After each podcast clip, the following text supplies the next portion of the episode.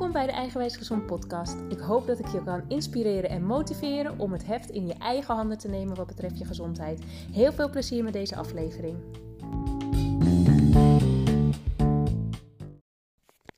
Ja, daar zijn we weer. Het is even geleden, maar echt jongens, ik ben met zulke leuke dingen bezig.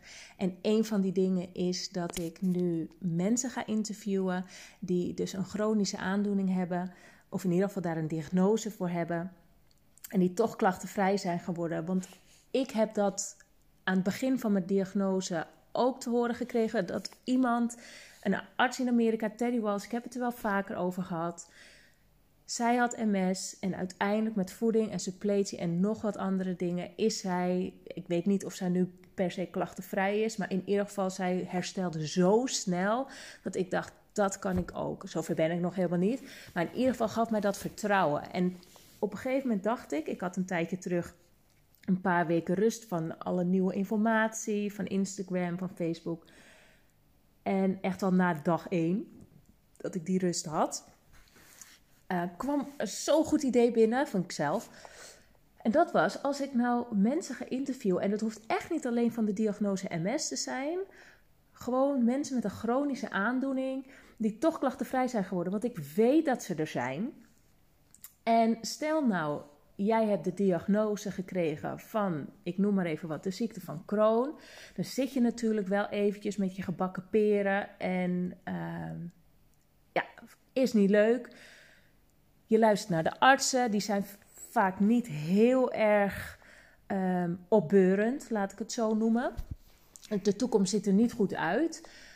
Hoe fijn is het dan dat je van, dat je iemand, van iemand hebt gehoord dat ze met dezelfde aandoening, door bepaalde aanpassingen te doen of bepaalde um, methodes toe te passen, dat zij toch klachtenvrij zijn geworden. Dat geeft hoop. En dus dat is niet per se alleen voor mezelf, want ik heb al een aantal voorbeelden, maar echt, ik, ik kan er nog, ik wil er nog veel meer tegenkomen, want ik weet dat ze er zijn.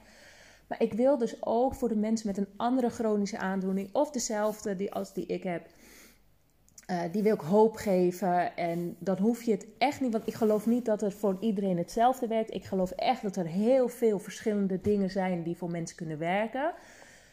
Maar dat je in ieder geval weet dat het kan. Dat je lichaam, dat zelfhelend vermogen van het lichaam is echt iets prachtigs. Het is echt iets wonderbaarlijks en dat kan gewoon. En jij hebt die verhalen nodig van mensen bij wie dat is gelukt. En dan hoeft het echt niet op precies dezelfde manier. Misschien wel, misschien niet. Maar weet dat het kan.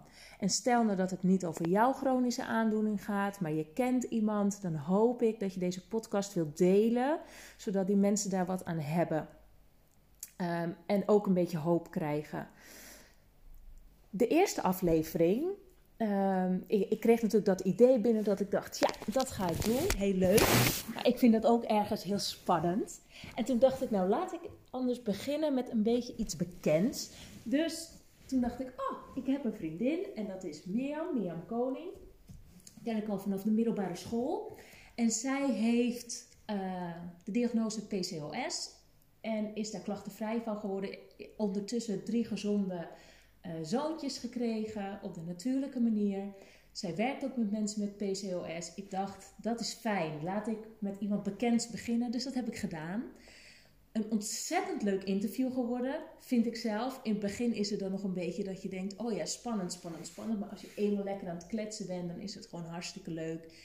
Ik weet zeker dat er voor mensen met PCOS Ehm, dingen uit zijn gekomen waar ze wat aan hebben.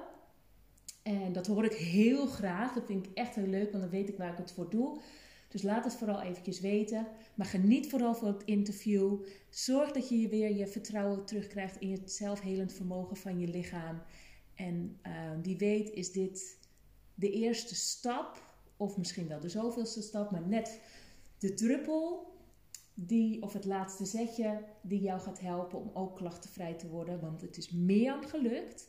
En Mirjam is heel speciaal, maar ze is echt niet specialer dan dat jij bent. Wat zij kan, kan jij ook. En ik hoop dat je dat uh, hiermee gaat ervaren. Of in ieder geval hiermee het vertrouwen terugkrijgt. Dat het je hoop geeft. En uh, dat je er iets mee gaat doen. En voelt het niet goed, doe je het niet. Het is allemaal prima. Maar ik hoop je toch een beetje een, uh, een beetje inspiratiebron voor je te brengen in de zin van Mirjam. Heel veel plezier. Uh, luister naar het interview en laat vooral even weten wat je ervan vond. Mirjam, welkom. Leuk dat je mee wil doen aan het uh, interview over jou, dat het gelukt is om klachtenvrij te worden. En um, je mag eerst even iets kort over jezelf vertellen. Ja, dankjewel. Leuk. Um, ik ben Mirjam Koning en ik woon samen met mijn vriend en uh, drie kinderen in Hello. En ik heb mijn eigen bedrijf, Healthy Hormones. En jij hebt ook PCOS. En wat houdt dat precies in? Ja, PCOS staat voor uh, polycysteus ovarium syndroom. Ja, een hele mond vol, maar uh, wat eigenlijk betekent meerdere vochtblaasjes die in de eierstokken te zien zijn. Dat is eigenlijk wat die, waar die afkorting voor staat als je die als je die vertaalt. Ja. Ja. Oké. Ehm, en um, wat zijn klachten die daarbij horen? Dus je hebt van die blaasjes, maar welke klachten ja. ervaar je ervan? Nou, het is eigenlijk het belangrijkste, wat voor de meeste vrouwen zo is, is dat wanneer je PCOS hebt, dat je dan, oh gezellig, komt een vriendje bij me zitten, een kat. dat de belangrijkste klacht is eigenlijk dat de cyclus onregelmatig is of helemaal uitblijft. Dat er dus minder vaak een ijsprong is of helemaal niet. Met als belangrijke klacht dat dus het zwanger worden lastig is. Um, dat is waar de meeste vrouwen uh, tegenaan lopen met PCOS. Um, ehm, daarnaast zijn er ook andere klachten. Want met PCOS zie je vaak dat er verhoogd testosteron is, mannelijk hormoon. Vind ik ook altijd gelijk heel heftig klinken, weet je, als dat wordt gezegd. Je hebt te veel mannelijk hormoon als vrouw, omdat je dan, ja, uh, ik heb toch vrouwelijk hormonen, ja. dan heb ik te veel mannelijke hormonen. Nou, elke vrouw heeft ook testosteron. Dat is juist, heeft ook positieve kanten. Uh, alleen het is uit verhouding. Dus de verhouding tussen de vrouwelijke hormonen en uh, het, het mannelijke hormoon testosteron, uh, dat is uit balans, waardoor er klachten kunnen ontstaan. En die klachten zijn dan bijvoorbeeld acne, overbeharing of juist haaruitval. Um, vrouwen zien soms dat ze ook eerder aankomen. En daarnaast ook klachten als stemmingswisselingen of uh, depressieve klachten komen vaak voor bij PCOS. Uh, het is wel zo trouwens dat niet elke vrouw met PCOS hetzelfde beeld heeft. Het is heel verschillend beeld te zien bij PCOS. Uh, dat komt eigenlijk ook omdat die diagnose PCOS die kan worden vastgesteld wanneer je twee van de drie symptomen hebt. Je hebt eigenlijk drie symptomen bij PCOS. De eerste is um, die vochtblaasjes, die te zien zijn eigenlijk op een echo. Dus daarvoor moet een echo worden gemaakt. Ja. Dan zien ze je eierstokken. Dat is niet iets wat je al kan merken zelf kan afstrepen bijvoorbeeld. Nee, dat is eigenlijk een van de, van de symptomen die je niet zelf kan zien of, of, of, voelen. Nou, sommigen krijgen last van die, van die kiesten, van die vochtblaasjes, maar dat, dat is in de meeste gevallen eigenlijk niet zo. Um, dus dat is iets wat met een echo eigenlijk kan worden vastgesteld. Uh, de tweede is geen of een onregelmatige cyclus. Nou, dat is iets wat je wel natuurlijk kan signaleren op het moment dat je geen uh, anticonceptiepil gebruikt in ieder geval, is dan belangrijk. Daardoor hebben vrouwen het ook vaak niet door totdat ze stoppen met de pil. Want daarvoor hebben ze gewoon een onttrekkingsbloeding van, van die pil.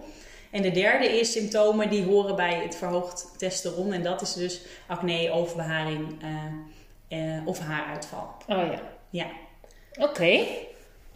En um, jij hebt dat zelf dat dus ook. Ja. Hoe kwam je daarachter? Wanneer was dat ongeveer?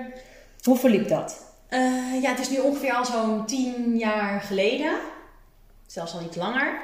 Um, nou, ik had heel veel hoofdpijn, heel veel migraine en ik slikte de pil. En op een gegeven moment dacht ik, nou, heeft, heeft die pil daar geen invloed op? Die hormonen die ik dagelijks slik. En het was echt zo dat ik nou, sowieso twee, drie keer per week gewoon hoofdpijn had. En dat kon dan overgaan uh, in migraine. Dat is veel. Ja, dus echt dat dat wel, dat ging echt wel, dat had wel echt grote invloed op mijn leven. Het was ja. dat je ochtends zo dacht, oh, heb ik vandaag, oh nee, gelukkig niet of zo. Weet je, dat je daar echt wel veel mee bezig was. En daar dan ook wel medicijnen voor nam als dat migraine werd. En dan soms ook wel echt, dat het soms zo erg was dat, dat je dan niks kan doen dat je in je bed moet gaan liggen. Nou, dus daar wilde ik van af. En toen dacht ik, nou, zou dat niet die pil kunnen zijn? Dus ik had eigenlijk bedacht, ik wil graag stoppen met die pil en kijken wat dat doet. Dus dat heb ik gedaan. En toen, dat, ik merkte dus al best wel snel dat dat invloed had op die hoofdpijn. Die hoofdpijn werd minder. Dus ik was er eigenlijk heel blij mee van, oh, ik ben gestopt met die pil. Alleen ik werd niet meer ongesteld. Uh, nou, huisarts in eerste instantie van het is ontpillen. En ook als je dan gaat googlen, oh ja, nou, ik moet inderdaad... Uh... En hoe lang duurde dat ongeveer? Dacht je na een maand gelijk al, heet wordt niet ongesteld? Of heb je, duurde dat eventjes? Ja, duurde eigenlijk wel even eerst. Nou, dan was ik er ook nog helemaal niet, was eigenlijk helemaal niet bezig met dat ongesteld worden. Ik bedoel, ik was ook wel iemand die het wel relaxed vond als ik niet ongesteld werd. Ik heb ook wel die pil doorgeslikt. Weet je, als je op vakantie ging, oh prima, nog gelijk doorslikken. Ik wil niet ongesteld worden. Dus het was eerst ook, oh nou, prima. Ehm, tot na, ik denk na, na een paar maanden, na drie maanden of zo, dacht ik wel van, oké, dit is best wel apart. Ik ben nu drie maanden helemaal niet meer ongesteld geworden. Dus toen eerst inderdaad kijken. Ja, nou dan is ontpillen was dus ook wat ik al van de huisarts als antwoord kreeg. Ehm, maar toch, het voelde ook, op de, ook al niet helemaal goed. Dat ik dacht, ik, ik weet niet. Ik had al snel het idee, dit, dit is denk ik niet het ontpillen. Um, moet ik er misschien ook wel bij zeggen, ik had ook wel um, last van tussentijdse bloedingen. Dat was ook al tijdens de pil. toen heb ik een verkeerd uitstrijkje gehad. En vanaf dat moment had ik ook al, ik, ik weet niet. Er, er nou, zit iets niet er goed. Er zit iets niet goed, het klopt niet. Um, dus toen eigenlijk om een doorverwijzing gevraagd. En toen zagen ze het eigenlijk gelijk met die echo dat ze zeiden: ja, nee, zien we, ze noemen dat een kralenkrans dan. Dat zijn eigenlijk al die bolletjes, die vochtblaasjes die in een soort krans eigenlijk. Ja. Nou, daarom noemen ze het een kralenkrans. Um, te zien waren. Dus toen was het eigenlijk nee, heel duidelijk PCOS. Uh, met de mededeling erachteraan: joh, ga gewoon weer aan die pil. Want hoe oud was je toen? Um, denk 4, 25. Ah, oké. Dus wel dat de kinderwens er al een beetje aan zat komen. Misschien nog niet op dat moment, maar... Ja, nou in ieder geval, het, is bij mij geweest... Ik wist, ik wist vanaf jongs af aan eigenlijk al... één ding wist ik zeker, ik wil moeder worden. Ja. Voor de rest, weet je wat wil je worden? Dan was het antwoord ja. op moeder. um, dus toen ze zeiden van, oh maakt niet uit, ga maar weer aan de pil. Maar je moet niet te lang wachten met kinderen krijgen, want het kan nog wel eens lastig worden. En dan ga je een hormoonkuur krijgen. Ja. aan de ene kant dacht ik, oké, prima.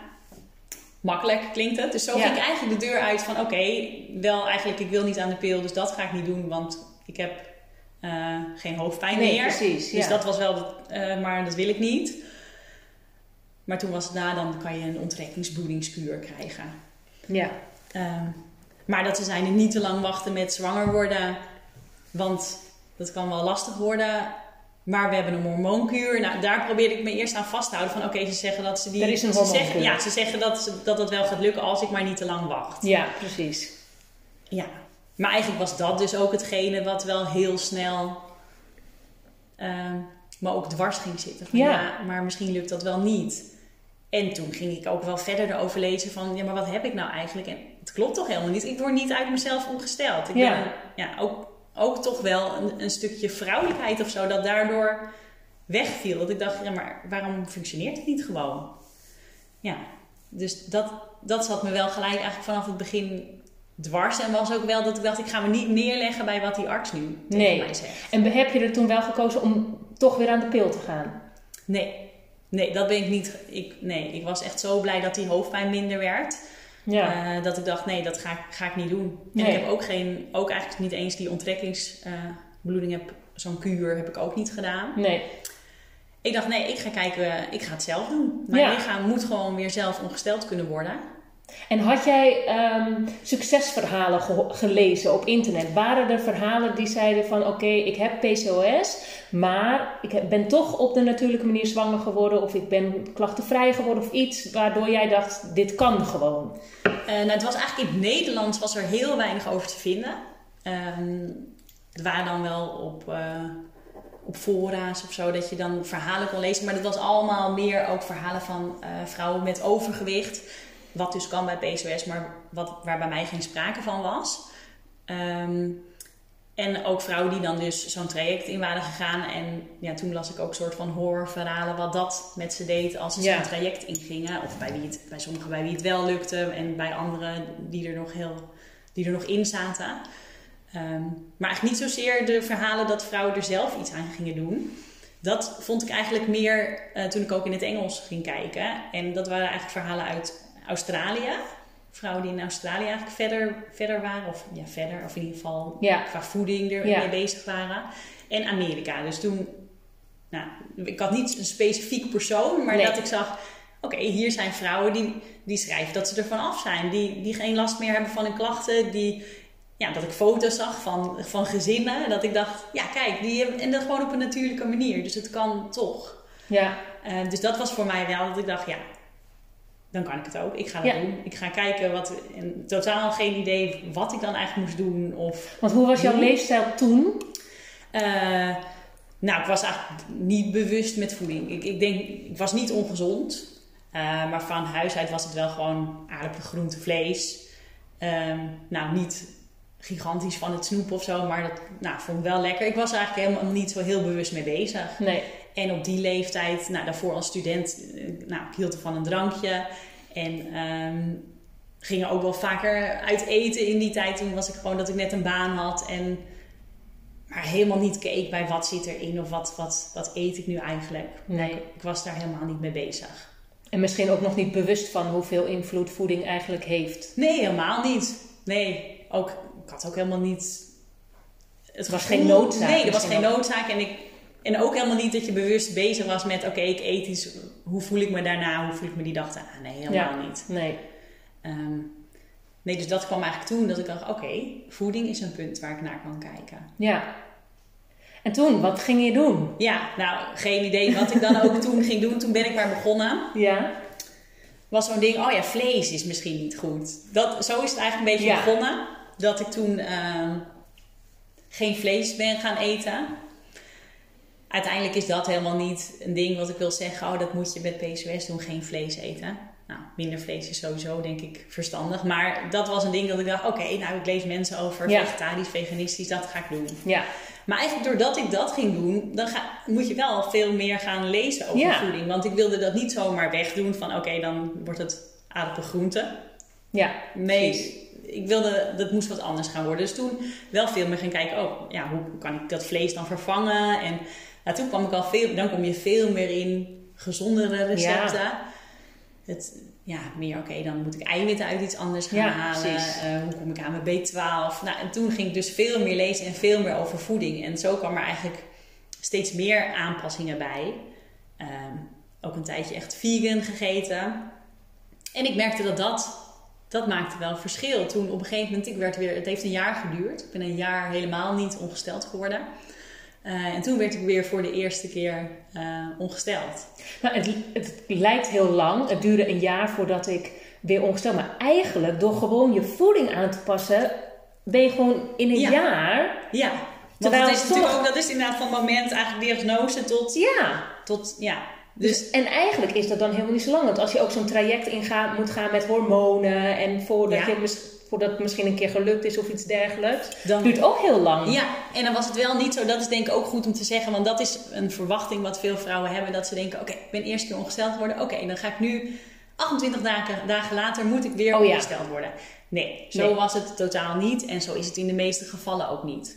Waarbij ik ook wil zeggen, oké, een cyclus van 28 dagen, dat is er eentje volgens de boekjes. Ja, Maar er zijn maar weinig vrouwen die een cyclus hebben van 28 dagen. elke maand. Ja.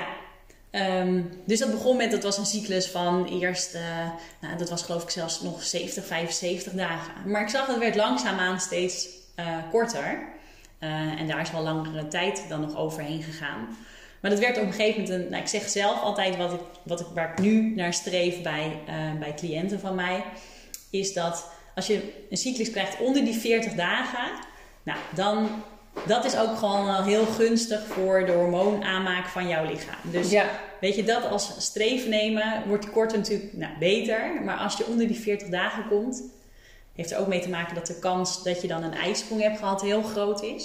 Het kan namelijk ook zo zijn met PCOS dat je een bloeding hebt, maar helemaal geen ijsprong hebt gehad. oké. Ja, dan heb je wel dat je baarmoederslijmvlies afstoot, Mhm. maar geen ijsprong. Dus ja, op dat moment niet vruchtbaar. En dat heeft niet datzelfde effect in je lichaam Nee. qua hormoonaanmaak. Nee. Dus ja. En de, die eerste keer dat jij ongesteld was, was Ja. feest natuurlijk. Nou, dat vind ik ook. Dat, dat blijft. Ja, ik vind. Dus dat is ook zo grappig. Waar natuurlijk normaal is dat je heel erg klaagt over Ja. het ongesteld worden en zo. Wat ik dus zelfs een beetje ging missen in die periode dat ik het niet was. Want dat is, was ook waar je over mee kon praten. Weet je, anderen dan erover. Oh, echt balen deze week. ongesteld. ik dacht, ja, dat heb ik dus nooit. Weet Nee. je. Ehm, ja, was ik nu alleen maar echt super blij. Ja. Yes. Ik ben ongesteld dat je een soort van yes naar de wc en wow, yes, er zit, er zit bloed in. Ja, precies. Ja.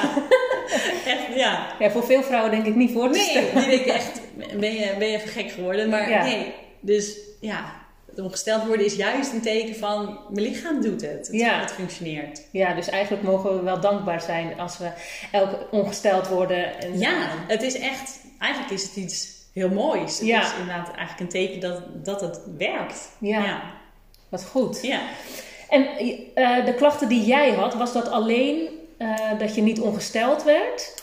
Of had je uiteindelijk achteraf misschien gezien dat je zegt, ja, ik had nog wel meer klachten die erbij horen? Ja, achteraf, weet je, toen ik dan ging lezen, toen herkende ik me meer. Ja, die stemmingswisselingen is iets waar ik me toen heel erg in herkende. Ja, ik heb dat altijd eh, toegeschreven aan mijn karakter, is wat eh, wisselvallig. En natuurlijk eh, zit er, is een deeltje karakter, maar ik heb ook gezien wat voor groot verschil dat is. Waar ik toen echt, ja, op een dag kon dat wel tien keer heen en weer gaan. Van heel blij tot, vooral in mijn geval, veel- heel boos. Ehm, of ook op een manier reageren in situaties wat op dat moment echt super oprecht voelde. En achteraf dat ik dacht, nou, was dat nou echt nodig? Ja. Ehm, en dat ik merkte toen eh, de voedingsaanpassingen die ik maakte, wat met name invloed heeft op eh, je bloedsuikerspiegel. Dat speelt een grote rol bij PCOS. Als dat stabieler is, ehm, dat dat effect heeft op de aanmaak van hormonen en uiteindelijk dus je PCOS-klachten. Toen ik zag dat ik ging eten om ervoor te zorgen dat mijn bloedsuikerspiegel stabieler bleef, dat ik me gewoon veel beter voelde. Ja. Ook veel meer energie. Dus achteraf gezien dat je denkt: oké, ik kan me gewoon veel fitter en nou, ook dus gelukkiger doordat je je stabieler voelt, voelen dan dat ik me daarvoor voelde. En ook achteraf gezien dat ik denk: oh ja, toch ook wel een onrustigere huid.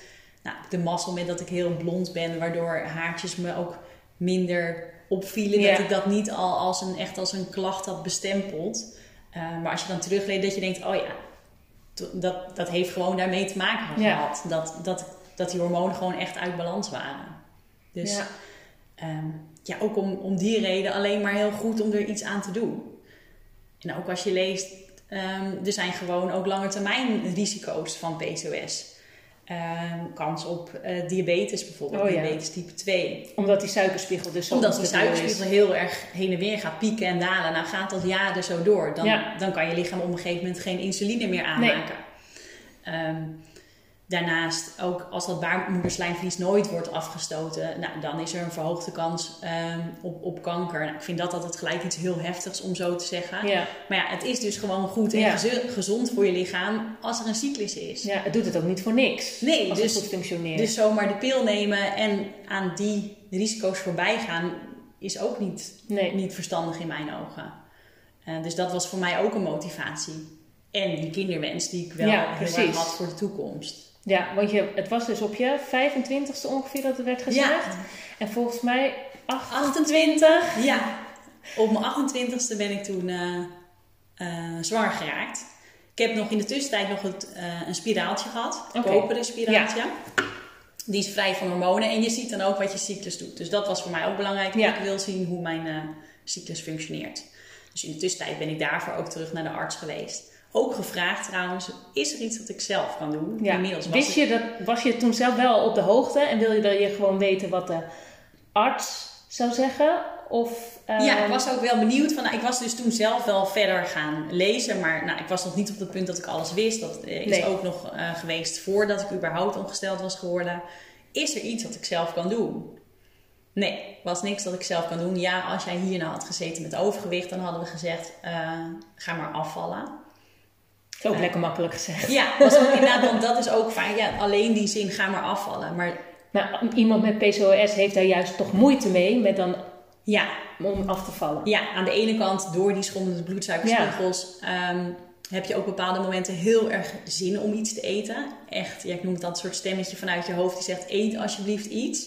Ja, dan kan je bedenken, ik, oh nee, ik ben op dieet. En negen Ja. keer lukt dat. Maar die tiende keer is het Ga je zo lastig los. en ga je toch, eet je toch iets. Ja, het liefst is dat iets suikerrijks, want daar Ja. voel jij je zo snel mogelijk goed door. Je kunt je dan ook namelijk ook echt heel naar voelen. Trillerig, Ja, Ehm, ja, duizelig. Echt, je moet dan ook echt wat eten. ja. Ehm, dus, dat, dus dat is een van de redenen waarom het ook lastiger is om dus af te vallen. Doordat je ook steeds aan eten denkt. En aan de andere kant werken ook hormonen tegen. Ja. Ehm, dat verhoogd testosteron dat kan worden omgezet in oestrogenen. Nou, dat heet aromatase. Ehm, maar die oestrogenen, dat zorgt weer voor vetopslag. Dus het is eigenlijk een soort vicieuze cirkel waar je in terecht kan komen. Door dat verhoogd testosteron krijg je meer van oestrogenen wat weer in vet kan opslaan. Ja. Dus dat doorbreken is heel lastig. Dus gewoon zeggen, ga maar afvallen. Ja, daar... Een beetje een loze boodschap. Ja, dan word je echt naar huis gestuurd met oké, ja bedankt. En eigenlijk bijna al die vrouwen die in die situatie zitten, die zijn daar al jaren mee bezig. Ja, precies. Die struggelen daar al mee. Ja. Dus, en tegen mij was dus, nee hoor, er is niks wat jij kan doen. Oké, nou, keren dat ik tussendoor terug ben, was dat wel steeds dat ik had dat voorgenomen van ik ga dat wel steeds vragen. Want toen was het dus wel dat ik op, inmiddels bezig was, weer Ja. gesteld werd. Ehm, ja, nee, er was nog steeds, was er niks. Ehm, toen het spiraaltje dus er ehm, uit laten halen. Toen zei ze al een beetje soort van verbaasd, het ziet er goed uit. Van, toen zag ze eigenlijk dat ze zei, ik zie niet echt meer die vochtblaasjes. Ik zie, oh, ze zei toen ook, ik zie dat je binnenkort een ijsprong krijgt. Dus toen vroeg ik ook hem, hoe kan dat? Ja, nou ja, dat, toen deed ze ook, weet je, ja, dat, dat weten we dan ook niet zo goed. Nee. Oké, nou toen heb ik ook wel verteld, ik heb veel voeding, ik heb wat ik had gedaan. Dus toen vertelde ik wel mijn verhaal.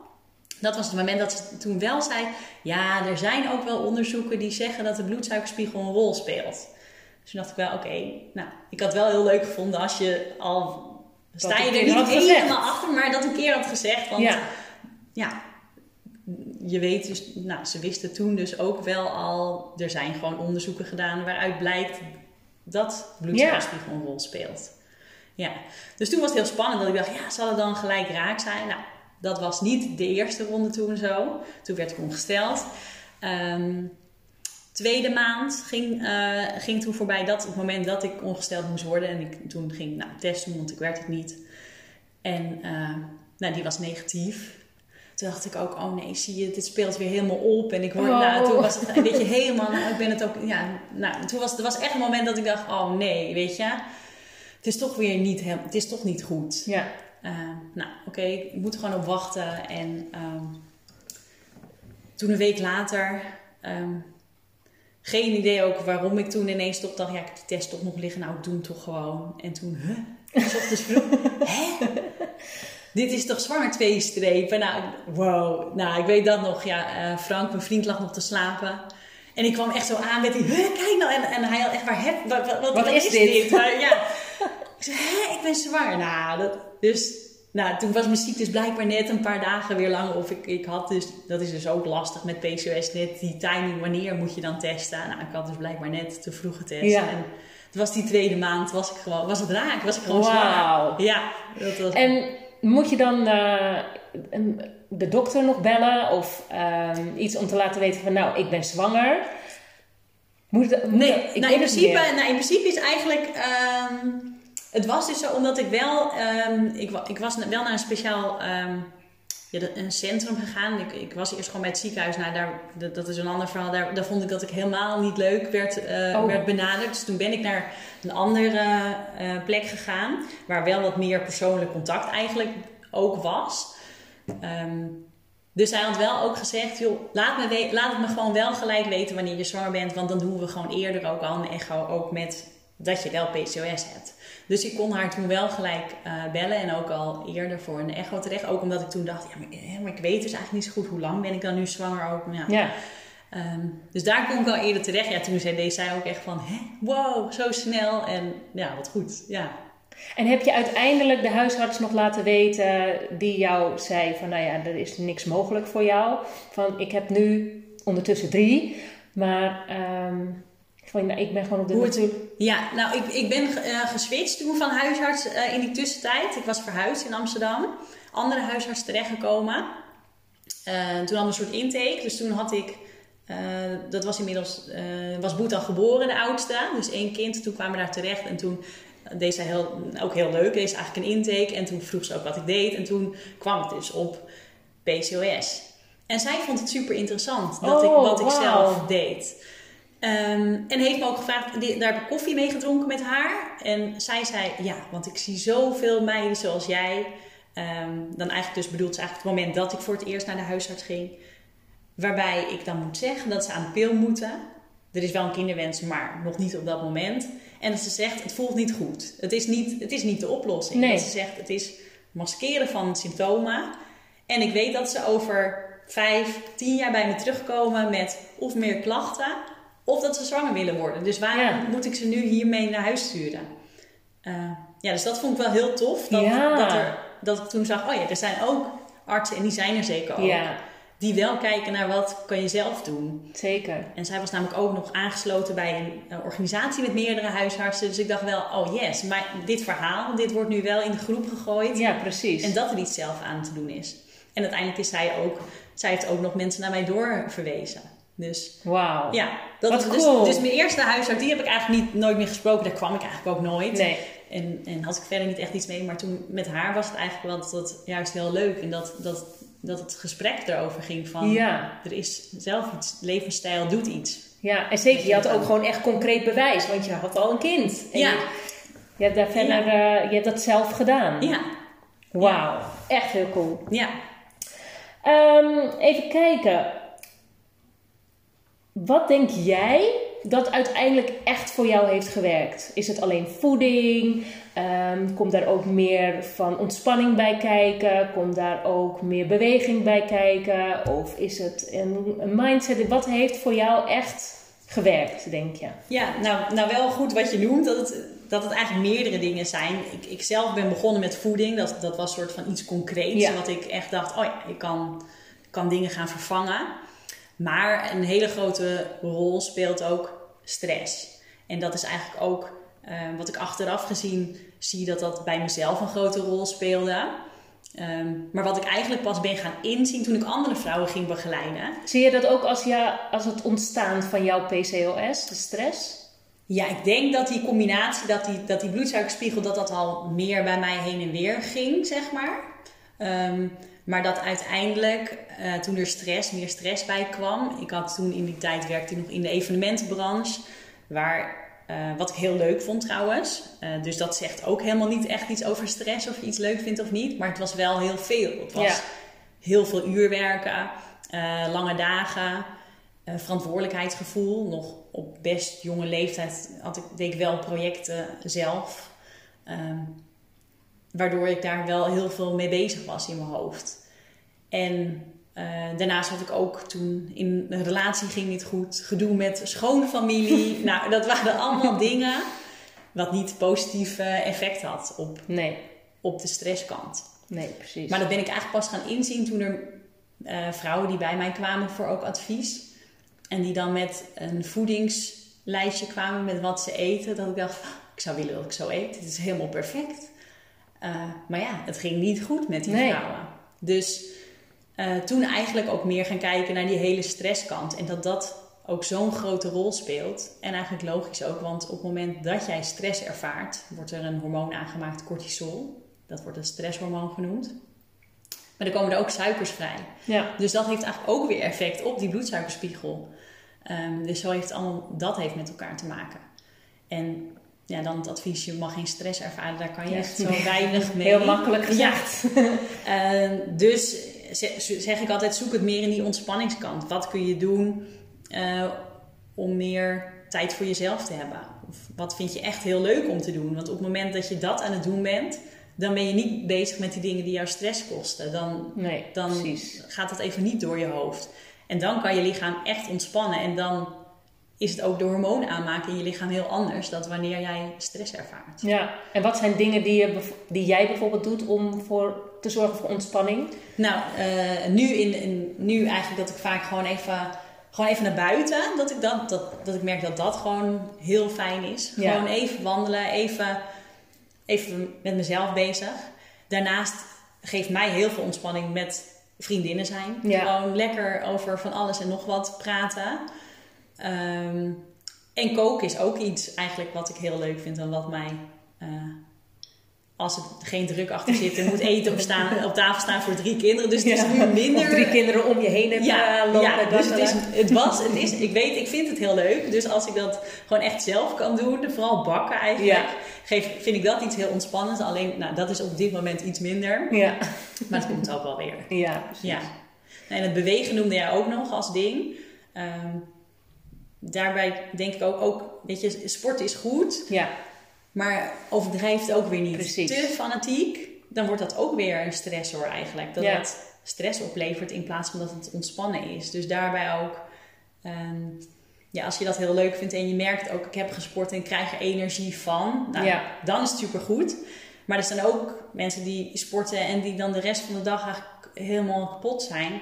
Ja, dan, is het te veel. ja, dan is dat eigenlijk weer een signaal van je lichaam. Dat is te veel. Dat Ja. moet, ik, moet ik wat minder doen. Dus eigenlijk gewoon heel goed luisteren naar je lichaam ook. Je geeft gewoon Ja. seintjes. Nou echt, en dat is ook wel, ja, die signaaltjes, nou, dat zijn denk ik in het begin van het gesprek ook al, ja, daar lette ik helemaal niet Nee. op. Bij wat ik had gegeten, hoe ik me dan voelde. Nee. En sommige dingen vinden we ook normaal. Als mensen soms Ja. hoofdpijn hebben, dan, eh, of Ja. regelmatig hoofdpijn, ja, dat, er zijn wel meer mensen die, Ja, dat, die hebben. dat hebben. Of, ja, Of dat je een opgeblazen buik. ja, opgeblazen buik, dat hoort erbij. Of ja, Ja, ja, dat heb ik nou eenmaal. of ik kan eh, een paar dagen niet naar de wc. Of ja, het is, het is, eh, ik, ik kan wat vaker naar de wc. Ja, dat gaat gewoon heen en weer. Maar Ja. nee, ja, dat zijn eigenlijk, eigenlijk geef je je lichaam daarmee gewoon signalen af. Ja, precies. En dat betekent trouwens niet dat ik nu eh, altijd helemaal fantastisch 100% eh PCOS-proof, zoals ik het dan noem, eet. Ja, nee. Nee, want dat is eigenlijk ook een ding dat een rol speelt.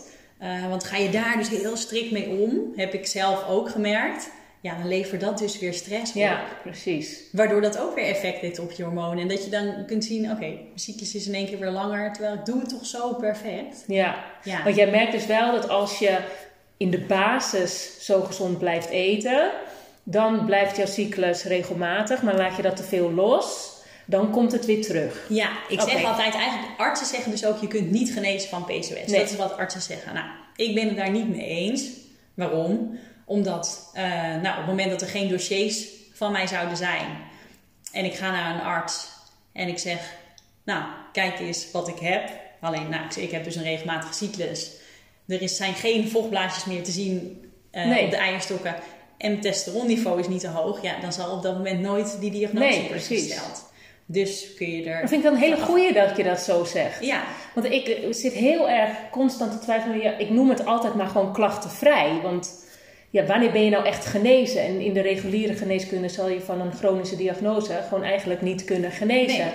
Maar wanneer ben je nou genezen? Maar zoals jij het zegt, vind ik het wel echt een hele goeie. ja. want als ik dan ergens anders zou aankomen, zullen ze dat nooit... Nee. Ja. En het is dus wel mijn zwak plek. Ja, Ik precies. weet dus, eh, is er meer stress, eet ik heel anders, ehm, dan duurt die cyclus langer. Ja, Ehm, eigenlijk een fijne stok achter de deur. Want ja, op die manier blijf je wel gewoon goed voor je lijf zorgen. En Ja. gaat het ook allemaal gewoon goed. ja. En wel ook, en daardoor zeg ik ook, weet je, je kunt ook die teugels heus wel weer iets soms laten vieren. Ja, het, het, de meeste pijn komt kijken bij wanneer vrouwen zwanger willen worden. Ja, dat Precies. zie ik gewoon, weet je. En dan is die druk zo groot, dan, dan doen ze er alles aan. Ja, is daarna die cyclus weer iets langer, dan... dan... Kan je wat vaker uit de bres springen. Ja, precies. Ja. ja. Oké, nou leuk. Ehm, nou, jij helpt dus mensen eh, in Ja. jouw praktijk, eh, mensen met PCOS.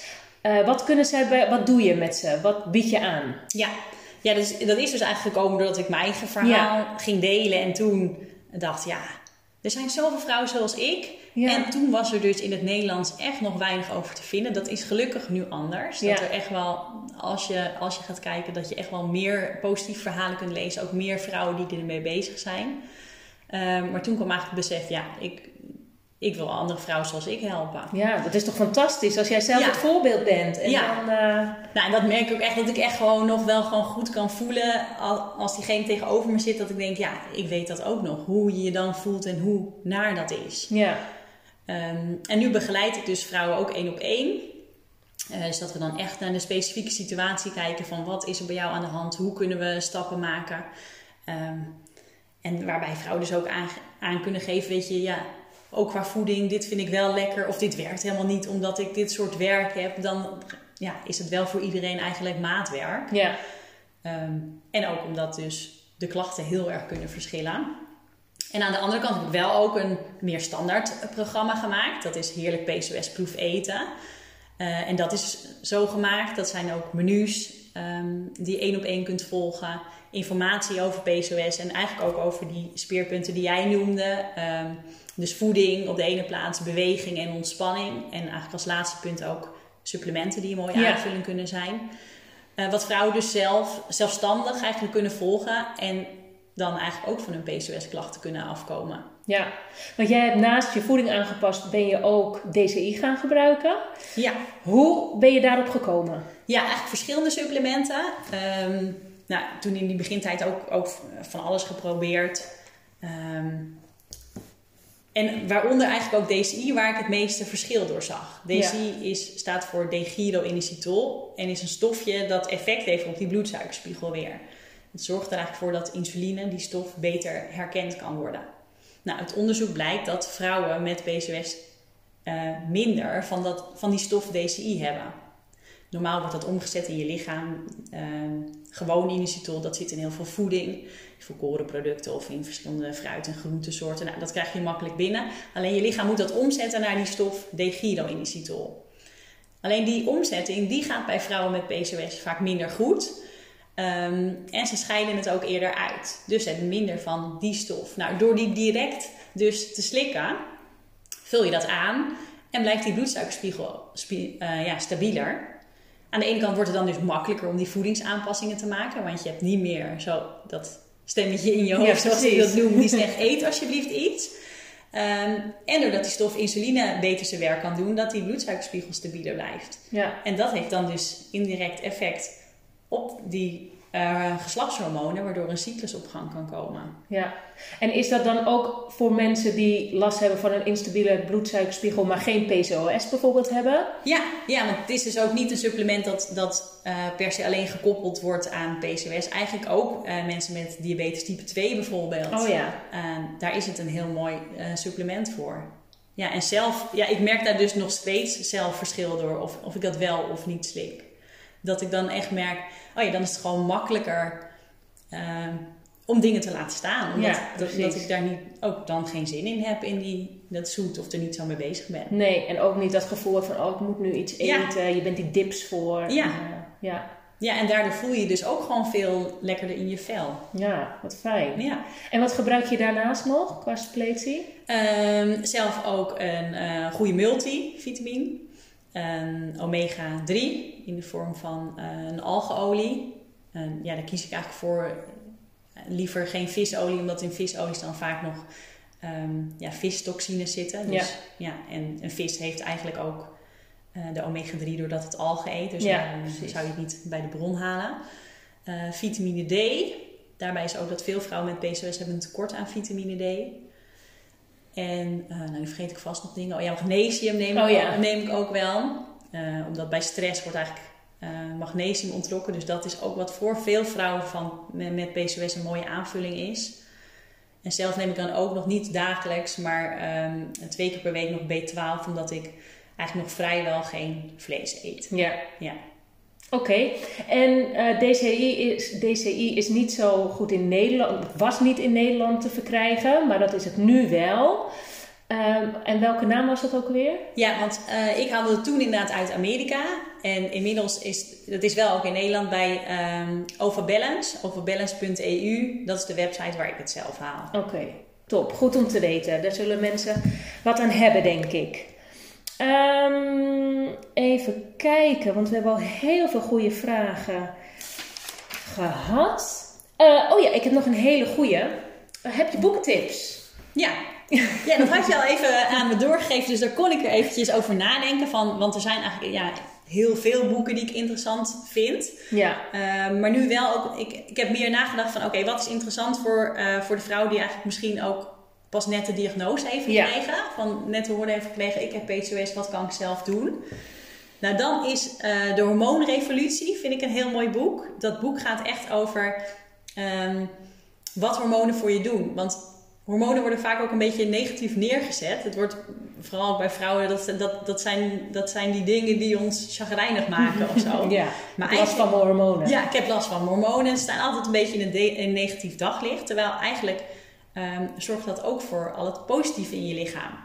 Uh, en in dit boek wordt dat eigenlijk uh, goed en makkelijk en duidelijk beschreven van hoe werken hormonen en wat is het effect op je lichaam.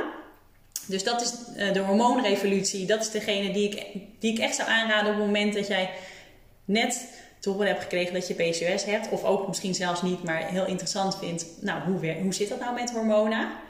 En um, uh, van dezelfde uh, serie is er eigenlijk de cyclusstrategie.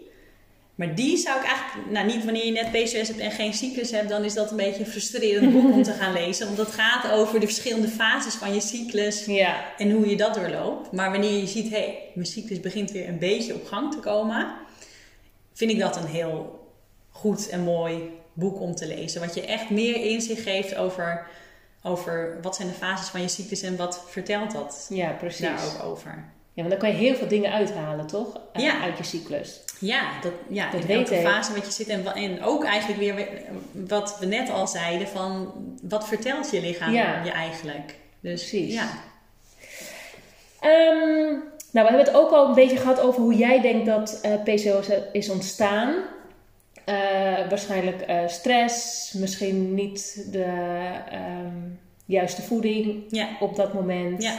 En voor Insulineresistentie, die bloedsuikerspiegel eigenlijk die, die heen en weer gaat. Ja, precies.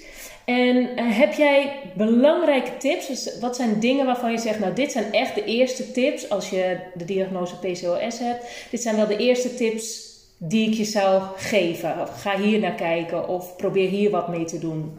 Ja, nou aan de ene kant heel praktisch dus dat stukje voeding. Mm -hmm. um, en daarbij ook niet, gooi niet in één keer dat hele roer om. Want dan kan het ook zo zijn dat het... Oké, okay, dan gaat het twee, drie weken heel goed. En ja, dan, precies. dan ben je er helemaal klaar mee. En dan doe je het weer helemaal niet. Dus doe dat gewoon stapje voor stapje. Begin bijvoorbeeld met je ontbijt. Ja, om te dat kijken. ook altijd. Ja, ja. Dat, nou, anders is het, eigenlijk is het ook anders weer stress. Ja. Als je het allemaal en dan, dan, dan kom je ook ingrediënten tegen dat je denkt, wat, wat, wat, wat is dit? Of waar, ja, waar haal de eerste keer boodschappen doen, Ja. vlees. Ja, dus begin gewoon lekker met dat ontbijt en kijk of je dat PCOS-proef kan maken. ja. Um, nou, wat, wat kan zijn een, een smoothie bijvoorbeeld met, nou ga daar langzaam meer groente aan toevoegen. Want als je gewoon smoothies, hoe je die uh, in de winkel of de supermarkt kan kopen, dan is het vaak nog heel veel fruit. Ja, Waardoor je niet lang gevuld zit. nee. En ook weer heel snel die bloedsuikerspiegel omhoog gaat met weer die dip. Dus ga daar meer groente aan toevoegen. Nou, dan ga je steeds gekker doen. En dan ga je er een notenpasta doorheen doen. Of wat kokosolie. Nou, in het begin denk je dan, dit, dit vind ik heel raar. Maar Ja, en dat is omdat vetten die verzadigen natuurlijk ook. En die zijn Ja. ook heel belangrijk voor je hormonen. ja, want, want waar ik eigenlijk vooral naar kijk is op het moment dat je suikers eet. Nou, en suikers is een, ja, suikers, koek, snoep en dat soort dingen. Daar Ja. denk je dan al snel aan. Maar suikers zijn ook fruitsuikers of eh, koolhydraten. Die ga je combineren Ja. met eiwitten, vezels en vetten. En maak je die combinatie, dan blijft je bloedsuikerspiegel stabiel. Maar Ja. dat is iets wat je gaandeweg eigenlijk gaat leren van... hé, hey, oké, ik eet havermout bijvoorbeeld. Nou ja, zou ik havermout alleen eten... eh, dan zijn het eigenlijk alleen koolhydraten. Met gelukkig wel vezels van zichzelf Ja. erin. Maar ga je dat combineren met... eh, nou, voor de smaak kan je dat met wat fruit, maar doe je wat, wat zuurder fruit. Dus wat blauwbesjes van Ja. boos. eh want dat heeft minder fruitsuikers. En dan wat noten en zaden, want daar zitten goede vetten en eiwitten in. Nou, dan kan je er nog wat kokosrasp overheen doen. En zo maak je eigenlijk zo'n combinatie. En dat ga je dan eigenlijk leren met ja, ook moment van de dag. Hoe maak je een combinatie dat die bloedsuikerspiegel stabieler blijft? Ja. Maar dat is ook iets wat je op een gegeven moment, wat, nou, wat ik nu ook zie dat de meeste vrouwen hebben, dat ze dat op een gegeven moment ga je dat, heb je dat niet eens meer door dat je dat doet. Nee, En ga je dat in één keer doen, dan is het, pff, jeetje, wat moet je aan heel veel denken. Ja. En dan weet je ook misschien nog niet zo goed, oké, in welke producten zitten nou echt Ja. de eiwitten Ja. en waar zitten nou de gezonde vetten in. Dat, dat is een, een Ja, leerproces natuurlijk. Ja, stap 1 is ook dat ik zeg, joh, eh, kijk eens op die etiketten. Ja, Waar zitten suikers in? En dat je je dan echt verbaast over waar dat allemaal in zit. Dat je ook heel vaak denkt dat je al gezonde keuzes maakt, maar dat het misschien niet is voor jou. En dat is natuurlijk ook heel verschillend voor, eh, nou bijvoorbeeld ook dadels is zoiets dat op zich heel gezond is. En daar zitten ook goede stoffen in. Ja, zeker. Uh, alleen voor vrouwen met PCOS is, ga je dadels los eten, dan zijn het heel veel fruitsuikers en Ja. dan piekt je bloedsuikerspiegel. Ja. Dus kan Waardoor soms- je ook weer die dip natuurlijk Waardoor je ook komt. weer die dip krijgt, ja. Ja. Waardoor je soms al eigenlijk aanpassingen hebt gemaakt. Dat je al denkt, ja, ik neem niet dat koekje, ik eet nu een dadel. Maar dan is dat het net niet helemaal. Ja, Dus je bent al eigenlijk heel bewust bezig en doet al dingen anders. Maar dan met net, net een klein beetje anders, dan is het wel goed. En Ja. dus, nou, dus die voeding gewoon stapje voor stapje. Supplementen kunnen dus helpen ook, ook dat die voedingsaanpassingen makkelijker wordt. Dat het je minder moeite kost. Maar eigenlijk mijn belangrijkste tip is eigenlijk het vertrouwen terugkrijgen in je lichaam. ja, mooi. Want dat is iets wat. ehm, nou, het doet dus iets met je vrouwelijkheid, dat PCOS. Ehm, vooral als je al bezig bent met zwanger worden, het wil niet lukken. Dan dat echt veel vrouwen het vertrouwen helemaal kwijt zijn in hun lichaam. Ja, Maar toch echt gewoon tegen jezelf ook zeggen: nee, mijn lichaam kan dit. ja precies. Eh, en ik doe het goed, ik ben ermee bezig. Ehm, het is niet van vandaag op morgen Nee. weer opgelost. En Nee. Zo is het ook niet ontstaan. Nee, echt gewoon denken, ja, en trots zijn op jezelf. Ja. Want dat doet ook veel. Dat, ja. Dat denk ik ook. En ik denk ook dat dat trotse gevoel, als je denkt van hé, hey, ik ga ervoor, ik ga goed voor mijn lijf zorgen, dat dat ook heel erg Ja. helpt. Ja, dat dat al gewoon, dat maakt al zo'n ander, dat doet gewoon iets in je lichaam, waardoor ook daardoor die hormonen veranderen. Ja. ja, ik- Ja, en ik denk dat jij er ook een heel goed eh, voorbeeld voor kan zijn. Want mensen weten het, en er zijn er meerdere, maar ik heb jou nu hier voor me. Maar dat mensen zien van hé, hey, het kan. En Ja. eh, binnen een jaar was jij in ieder geval weer voor de eerste keer ongesteld. Na een jaar, ja. hoe lang is dat dan eigenlijk, Eigenlijk, op een mensenleven? ja, En dan wil niet zeggen dat je dan meteen zwanger bent, maar het begin is weer gemaakt. En, Ja. en dan is dat Je vertrouwen nog groter natuurlijk. Op Precies. dat moment dat er een ijsprong is. Want ik bedoel, bij mij ging het dus ook die, de tweede en derde keer was de eerste maand raak. Ja, dat is helemaal, nou, helemaal fantastisch. Ja. Eh, maar ook als er niks aan de hand is en het duurt een jaar, dat, dat kan. Weet je, het is toch een. Ja, het blijft iets heel bijzonders Ja, precies. worden. Eh, maar als die ijsprong er is, ja, dan, is, dan heb je gewoon de kans om zwanger te raken. En ook natuurlijk. Ja. Ja. Zonder de hormoonspuiten. Zijn het spuiten of pillen? Nee, ja, je start met pillen. Ja, het is een heel protocol wat te gevolgen. Oh, je ja. start vaak met clomid of eh letrozol. En dan nou, hebben ze injecties. En dan kan het IUI of IVF worden. Ja, maar, dat is ook een heel heftig traject, hè?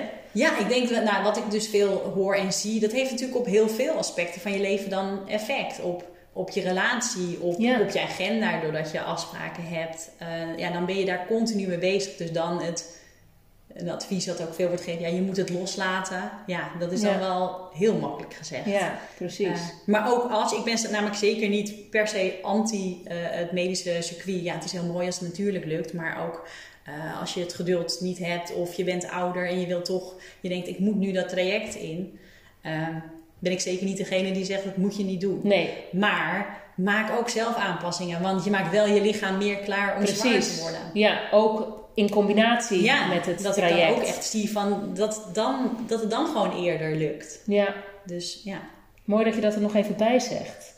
Ehm, als mensen... Oh, nee, ik heb nog een andere vraag. Eh, kan je iets zeggen over de toekomst? Hoe zie jij jouw toekomst? Eh, nou, met eh, drie jongens heb ik, drie mannen. Dus ik, nou, als ik echt helemaal in de toekomst kijk, dan zie En dan Frank er nog bij? Ja, dus dan heb ik vier, ja, vier mannen. En dan, dan de drie die nu nog kleiner zijn. Maar Frank, dat is een, een lange vriend. Ja. En die drie die gaan zeker ook eh, groter worden. Dus nou, veel testosteron in ons huis. Gelukkig doe ik... eh, heb- is van mijn, jou is nu weer in iets naar balans. beneden. Ja. Ehm, nee, dus wat dat, dat betreft, ja, de- ja, daar kijk ik gewoon echt naar uit met gewoon heerlijk ons, ons gezin eh, de toekomst tegemoet gaan. En eh, qua werk hoop ik eh, gewoon nog heel veel vrouwen met PCOS te kunnen helpen. Echt ook naar wat jij ook zegt. Ja, ik vind het heel gaaf om een voorbeeld te mogen zijn. Ja. Om andere vrouwen te kunnen motiveren. Ehm, ja, de berichtjes die ik krijg dat vrouwen weer ongesteld zijn geworden. Ja, of dat zien we wel eens voorbij komen op je Instagram. Ja. Zo mooi. ja, en dit deel ik ook echt, uit, echt met die reden. Omdat ik denk, als andere mensen zien dat anderen het kunnen, dat je dan denkt, ja, maar dan, dan moet het bij mij ook kunnen werken. Precies, en dat is echt helemaal ook deze, de bedoeling van deze interviews, van deze podcast. Om gewoon mensen te laten zien ook al heb je een diagnose, Ja. er, kan echt heel veel. Dus, en er zijn mensen met jouw diagnose bij wie het is gelukt. Ja, dus echt, ja, ik ben ervan overtuigd. Het kan. Ja. Ja. dus dat is vooral ook mijn doel voor de toekomst. Zoveel mogelijk vrouwen helpen.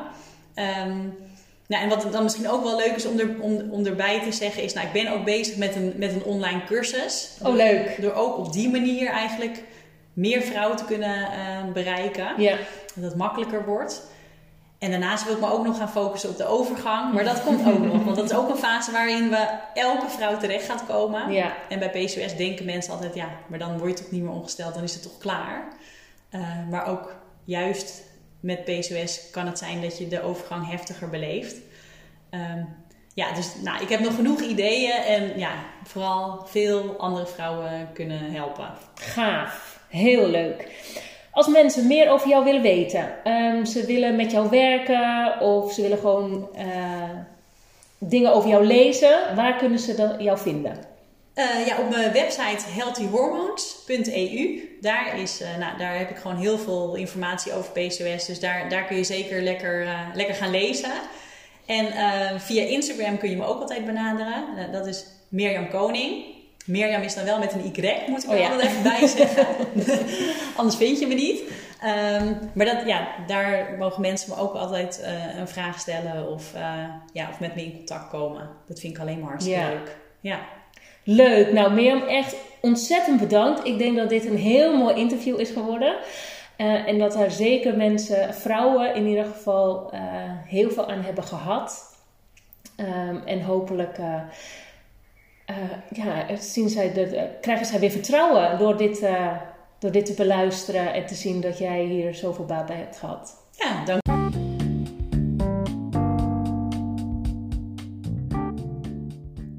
Bedankt voor het luisteren. Ik hoop dat je er wat aan hebt gehad. Mocht je deze podcastaflevering nou interessant hebben gevonden, dan hoop ik dat je hem wilt delen met vrienden, familie of iemand anders die er wat aan heeft. Daar zou je mij heel erg blij mee maken. Tot de volgende keer!